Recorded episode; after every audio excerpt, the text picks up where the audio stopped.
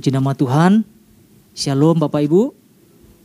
Pagi hari ini kita akan belajar bersama-sama apa yang menjadi pesan Tuhan di dalam kehidupan setiap kita. Pesan Tuhannya berbicara tentang apakah engkau mengalami kemajuan yang nyata? Apakah engkau mengalami kemajuan yang nyata? Pesan Tuhan ini dalam dua hari kemarin kita sudah pelajari Bapak Ibu. Saya percaya setiap kita semakin diperlengkapi ya. Semakin menangkap apa yang menjadi tujuan Tuhan di dalam kehidupan setiap kita melalui pesannya dalam minggu ini. Kalau kita memperhatikan pesan Tuhan ini datang kepada setiap kita dengan sebuah pertanyaan yang sangat penting menurut saya Bapak Ibu. Tentunya harus kita jawab dalam hati kita masing-masing. Ya, dan kita harus memberikan jawaban secara secara jujur tentunya ya di dalam kehidupan setiap kita. Mungkin ada yang menjawab tidak ada kemajuan yang nyata ataupun ada juga yang menjawab ada kemajuan yang terjadi. Saya melihat sih sebenarnya apa tujuannya Bapak Ibu? Apa tujuan Tuhan melalui pesannya? Tujuannya adalah supaya sebenarnya untuk membangun kehidupan kerohanian kita hari-hari ini yang lebih apa? Yang lebih maju, yang lebih bertumbuh dan juga dapat dilihat oleh semua orang. Tuhan ingin mendorong setiap kita untuk terus bergerak maju ke arah Kristus. Mari kita lihat firman Tuhan Bapak Ibu, 1 Timotius pasal 4 ayat 15 ini yang menjadi dasar perenungan kita. 1 Timotius 4 ayat yang ke-15 saya akan bacakan untuk kita semua. Perhatikanlah semuanya itu hiduplah di dalamnya supaya kemajuanmu nyata kepada semua orang. Ini adalah pesan yang disampaikan oleh Rasul Paulus kepada anak rohaninya Timotius yang sedang mengembalakan jemaat eh, di Efesus pada masa itu. Dan kalau kita melihat bahwa dalam perikop ini ada banyak hal yang disampaikan oleh Rasul Paulus kepada Timotius. Tentunya kehidupan Timotius ini harus dapat terlihat berbeda daripada orang-orang percaya pada umumnya. Dari mana kita bisa melihat? Dari iman, dari segi imannya. Dari segi perbuatan, karakternya, kasihnya. Ya, tentunya harus selaras dengan firman Tuhan. Karena kita tahu bahwa Timotius dipercayakan untuk mengembalakan jemaat. Tentunya tidak mudah Bapak Ibu harus memperlihatkan kehidupan yang nyata. Ya, karakternya harus nyata, kasihnya harus nyata. Ya, karena kalau kita lihat firman Tuhan, hiduplah di dalamnya supaya kemajuanmu nyata kepada semua orang. Di warta jemaat dijelaskan bahwa kemajuan adalah sama dengan pertumbuhan. Nanti Bapak Ibu boleh cek ya. Dikatakan kemajuan rohani adalah gerakan maju seseorang menuju ke suatu tujuan. Tentunya adalah kepada kehendak Tuhan.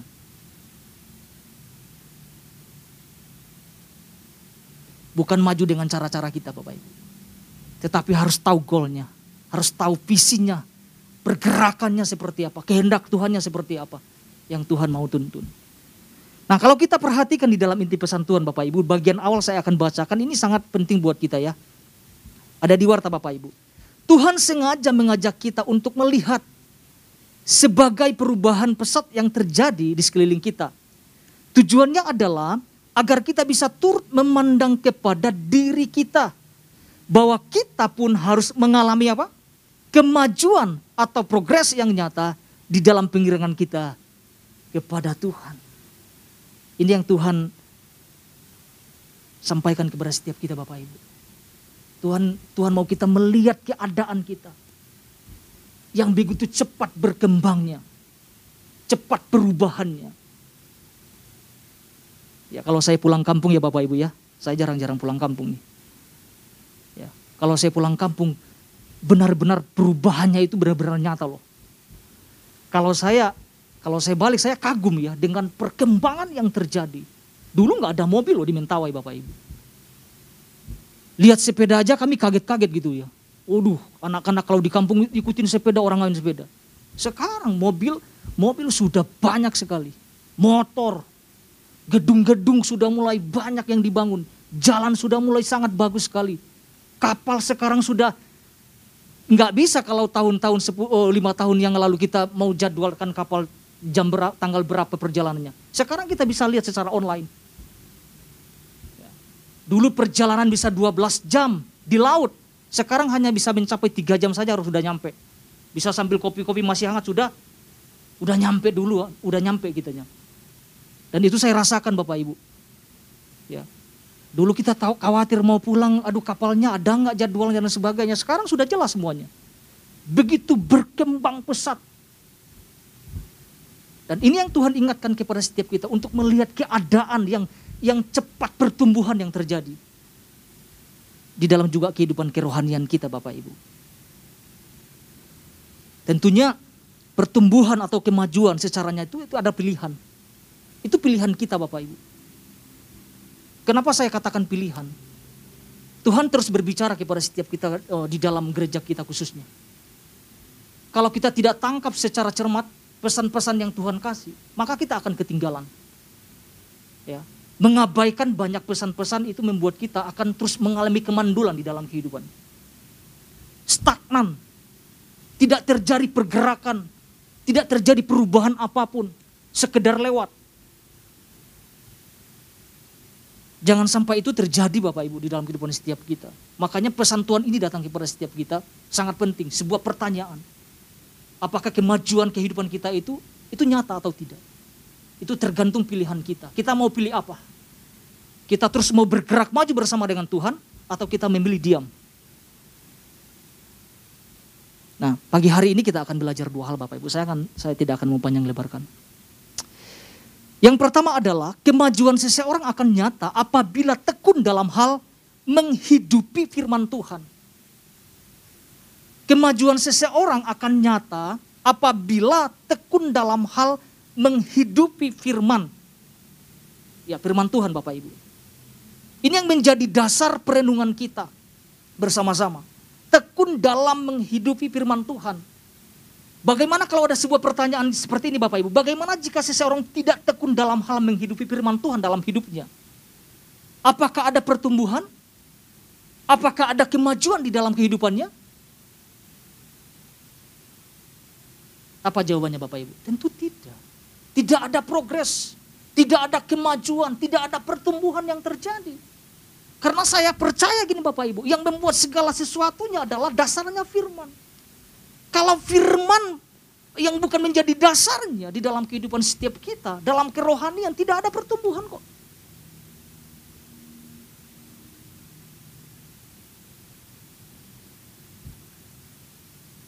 Tidak ada progres yang terjadi di dalam kehidupan orang-orang percaya ketika tidak menerima firman.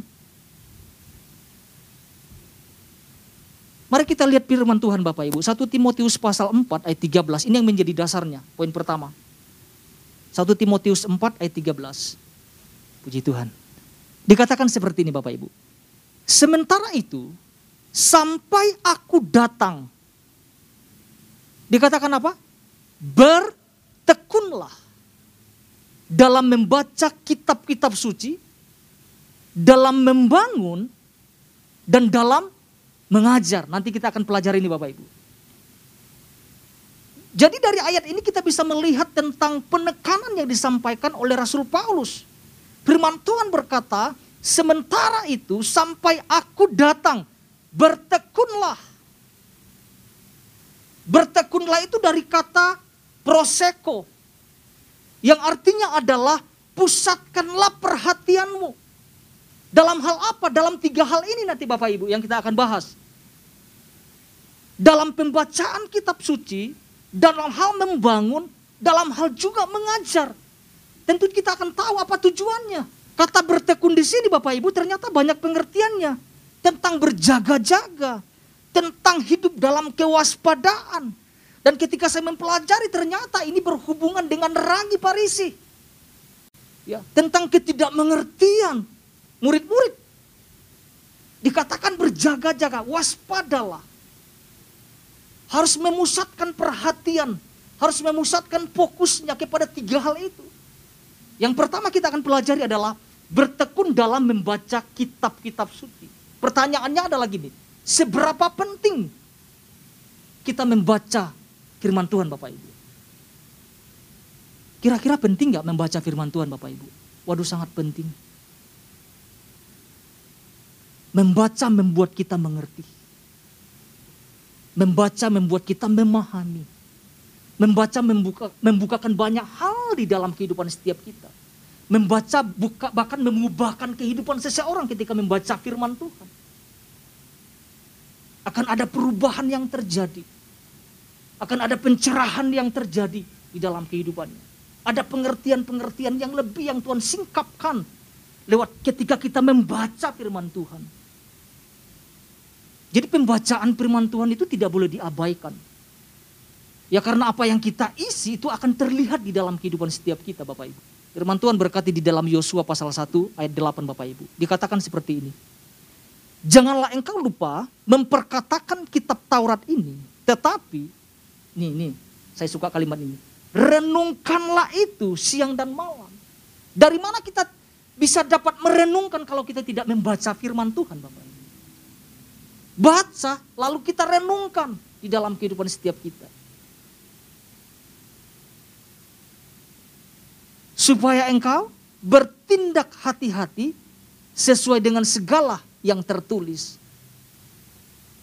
Yang tertulis itu apa Bapak Ibu? Ternyata firman Tuhan. Mungkin harus ada dorongan tersendiri di dalam kehidupan setiap kita. Untuk tekun membaca firman Tuhan Ibu. Mungkin orang lain punya target. Oke lah orang punya target. kita pun jangan sampai juga tidak mengambil waktu untuk belajar, untuk membaca. Karena kalau kita memutuskan tidak membaca, kita tidak tidak akan tahu apa-apa. Membaca kita akan tahu tentang banyak hal. Yang kedua dalam hal membangun. Bertekun dalam membangun. Membangun di sini bukan hanya membangun kehidupan orang lain Bapak Ibu tetapi di sini membangun adalah membangun diri sendiri yang lebih utama. Melatih diri kita sendiri. Melatih dalam hal membangun kehidupan rohani kita yang lebih baik. Lebih dewasa.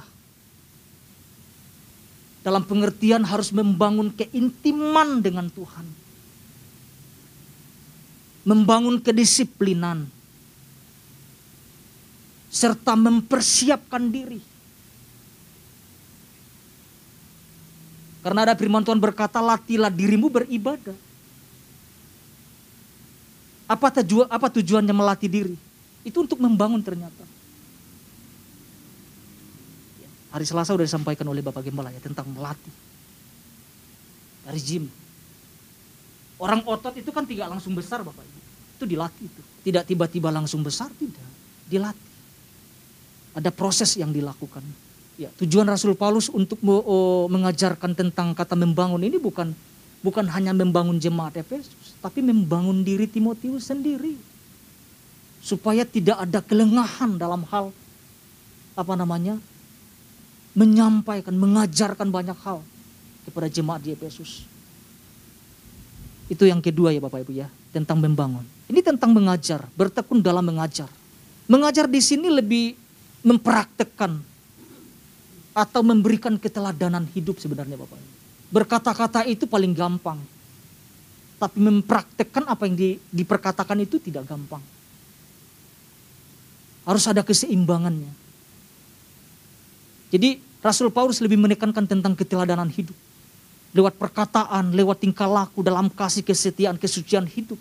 Kemurnian hidup. harus mengajarkan sesuai dengan apa namanya pokok-pokok iman, dasar-dasar iman yang murni. Ya kalau kita perhatikan di ayat 6 berkata ini Bapak Ibu yang ditekankan ya. Di ayat 6 berkata seperti ini. Dengan selalu mengingatkan hal-hal itu kepada saudara-saudara kita. Engkau akan menjadi seorang pelayan Kristus Yesus yang baik. Terdidik dalam soal-soal pokok iman kita dan dalam ajaran sehat yang telah kau ikuti selama ini. Ini yang selalu diingatkan. Ini yang selalu di, harus diajarkan. Harus mengingatkan orang lain. Ingat ya, kamu adalah seorang pelayan Tuhan. Kamu adalah orang yang terlatih dalam hal iman. Itu kan dorongan-dorongan seperti ini yang diperlukan Bapak Ibu. Karena dalam perjalanan kehidupan orang-orang percaya tidak mudah. Harus selalu mengingatkan satu dengan yang lain. Supaya apa? Kemajuannya nyata. Jadi tujuannya adalah gini Bapak Ibu. Lewat kita bertekun dalam membaca firman Tuhan lewat tekun dalam membangun dan mengajar akan membuat pertumbuhan kita itu semakin nyata ternyata. Karena ada praktek yang dilakukan. Saya merenungkan ini Bapak Ibu. Tidak akan ada kemajuan atau pertumbuhan jika seseorang tidak menerima firman di dalam kehidupannya. Jadi itu poin pertama yang kita dapat renungkan. Gak ada pertumbuhan. Jadi dasarnya adalah harus menerima firman Tuhan. Dengan tekun. Kita bersyukur. Setiap minggu Tuhan kasih pesan buat kita. Bapak Ibu bersyukur apa enggak? Saya sangat bersyukur sekali. Ya. Saya berkali-kali belajar Bapak Ibu. Merenungkan. Kadang-kadang juga saya gagal gagal nangkap. Saya harus menyampaikan itu kepada orang-orang di sekitar saya apa yang saya dapatkan. Dan itu perlu apa namanya ya? Memberi waktu secara khusus buat kita belajar. Karena kalau selewat kita nggak akan ngerti. Karena mungkin saya juga lambat dalam hal menangkap, makanya berulang-ulang saya lakukan itu. Ketika saya dapat sesuatu yang berbeda mungkin dari dari inti pesan Tuhan, saya coba untuk menguraikannya, membagikannya, dan itu harus menjadi sebuah kebiasaan. Karena kita tidak boleh juga, ya kamu dapat apa nggak bisa juga seperti itu. Karena saya tahu saya pemimpin. Dan harus mengajarkan. Saya harus menangkap terlebih dahulu. Baru saya bagikan. Entah itu mereka tangkap atau tidak, ya bagikan saja. Tapi itu yang saya dapat. Poin yang kedua yang dapat kita pelajari. Kemajuan seseorang akan nyata apabila hidup dalam pembinaan atau pemuridan. Kemajuan seseorang akan nyata apabila hidup dalam pembinaan atau pemuridan. Buat saya secara pribadi Bapak Ibu ini sangat penting sekali. Pembinaan, pemuridan sesuatu yang sangat penting. Karena kalau kita melihat dalam perikop ini Bapak Ibu, kehidupan Timotius ini tidak lepas dari pembinaan Rasul Paulus. Kita bisa membaca dari pasal 1. Ada banyak hal yang diingatkan oleh Rasul Paulus kepada Timotius. Bukan hanya tentang melatih diri dalam beribadah. Tentang menjadi teladan, tentang mengawasi diri, mengawasi ajaran. Tentang tidak boleh lalai mempergunakan karunia. Itu diingatkan terus berulang-ulang. Harus teliti, Timotius harus teliti banyak hal. Ketika mempercayakan diaken-diaken. Ternyata nggak boleh sembarangan Bapak Ibu. Artinya saya melihat bahwa dalam kehidupan kerohanian kita, kalau kita mau bertumbuh, ada progresnya secara nyata, harus hidup dalam pemuridan, harus hidup dalam pembinaan. Supaya bertumbuhnya nyata. Pernah gak kita menyaksikan Bapak Ibu atau mencoba kita ganti pot, misalnya gitu ya, pot bunga ya, atau tanaman. Kita ganti-ganti terus. Baru satu hari kita cabut, pindahkan lagi. Satu hari cabutkan, nggak tumbuh, mati. Pemuridan itu adalah konsisten. Baik itu enak atau tidak enak, konsisten. Karena kalau saya memperhatikan keadaan sekarang Bapak Ibu, aduh dengan mudah sekarang memilih gereja, nggak cocok pindah, nggak cocok pindah. Bagaimana kita bisa bertumbuh secara nyata kalau keadaan kerohanian kita seperti itu kan? Itu yang saya renungkan berulang-ulang Bapak Ibu.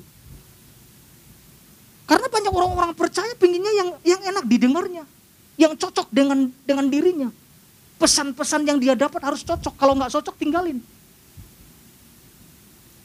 Pertanyaannya apakah akan terjadi pertumbuhan secara nyata atau tidak? Saya mau sampaikan, saya baru mengatakan tidak akan terjadi pertumbuhan secara nyata. Tapi kita harus hidup dalam pembinaan. Dimuridkan. Diajarkan Dasar ini saya dari perenungan diri sendiri Bapak Ibu. Dari perjalanan kehidupan kerohanian saya. Ketika awal saya memutuskan untuk memberikan hidup saya kepada Tuhan. Jatuh bangun. Punya keinginan yang besar untuk bertumbuh. Seperti kayak orang lain Bapak Ibu. Tapi banyak gagal. Di sinilah saya merenungkan. Perlu seorang pembina. Perlu seorang mentoring di dalam kehidupan setiap kita. Kalau kalau kita kalau saya lemparkan pertanyaan, apa kita bisa sendiri? Bisa nggak? Bisa sendiri. Tapi seberapa kuat kita berjalan sendiri? Nah, di dalam perjalanan kerohanian Bapak Ibu, kita perlu namanya pembina. Mentor. Dimuridkan. Saya alamin itu Bapak Ibu. Mau, mau bertumbuh kayak orang lain mau. Tapi ada aja. Dan ketika saya merenungkan sampai sampai hari ini, saya bersyukur sekali. Saya bersyukur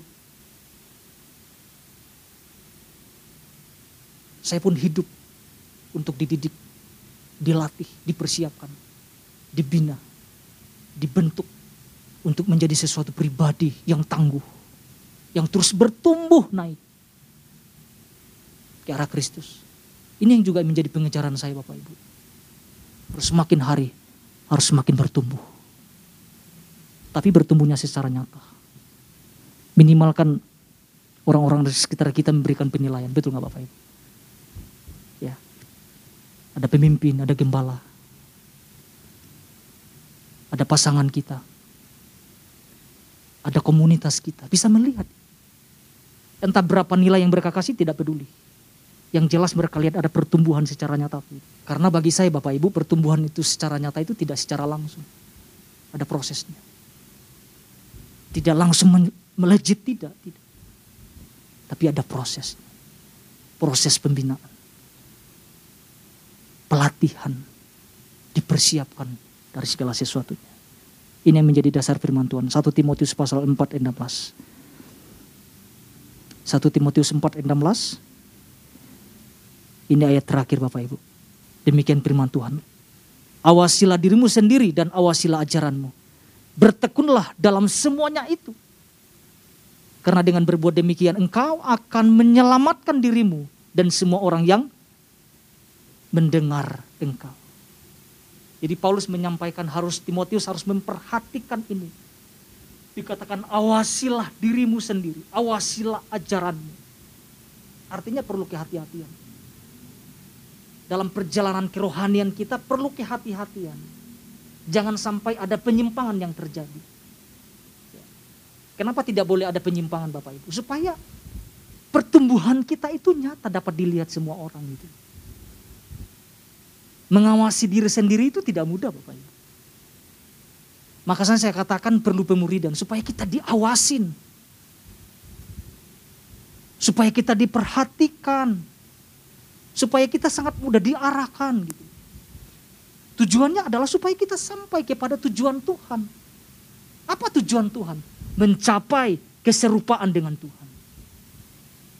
Kita bisa mencapai itu kalau kita hidup dalam pemuridan. Kita bisa mencapai pertumbuhan secara progres kalau kita hidup di dalam pembinaan. Jadi dua hal ini yang dapat kita renungkan bersama-sama Bapak Ibu.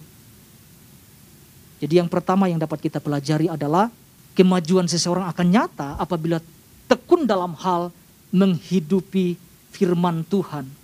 Yang kedua adalah kemajuan seseorang akan nyata apabila hidup dalam pembinaan atau pemuridan. Tuhan Yesus memberkati setiap kita.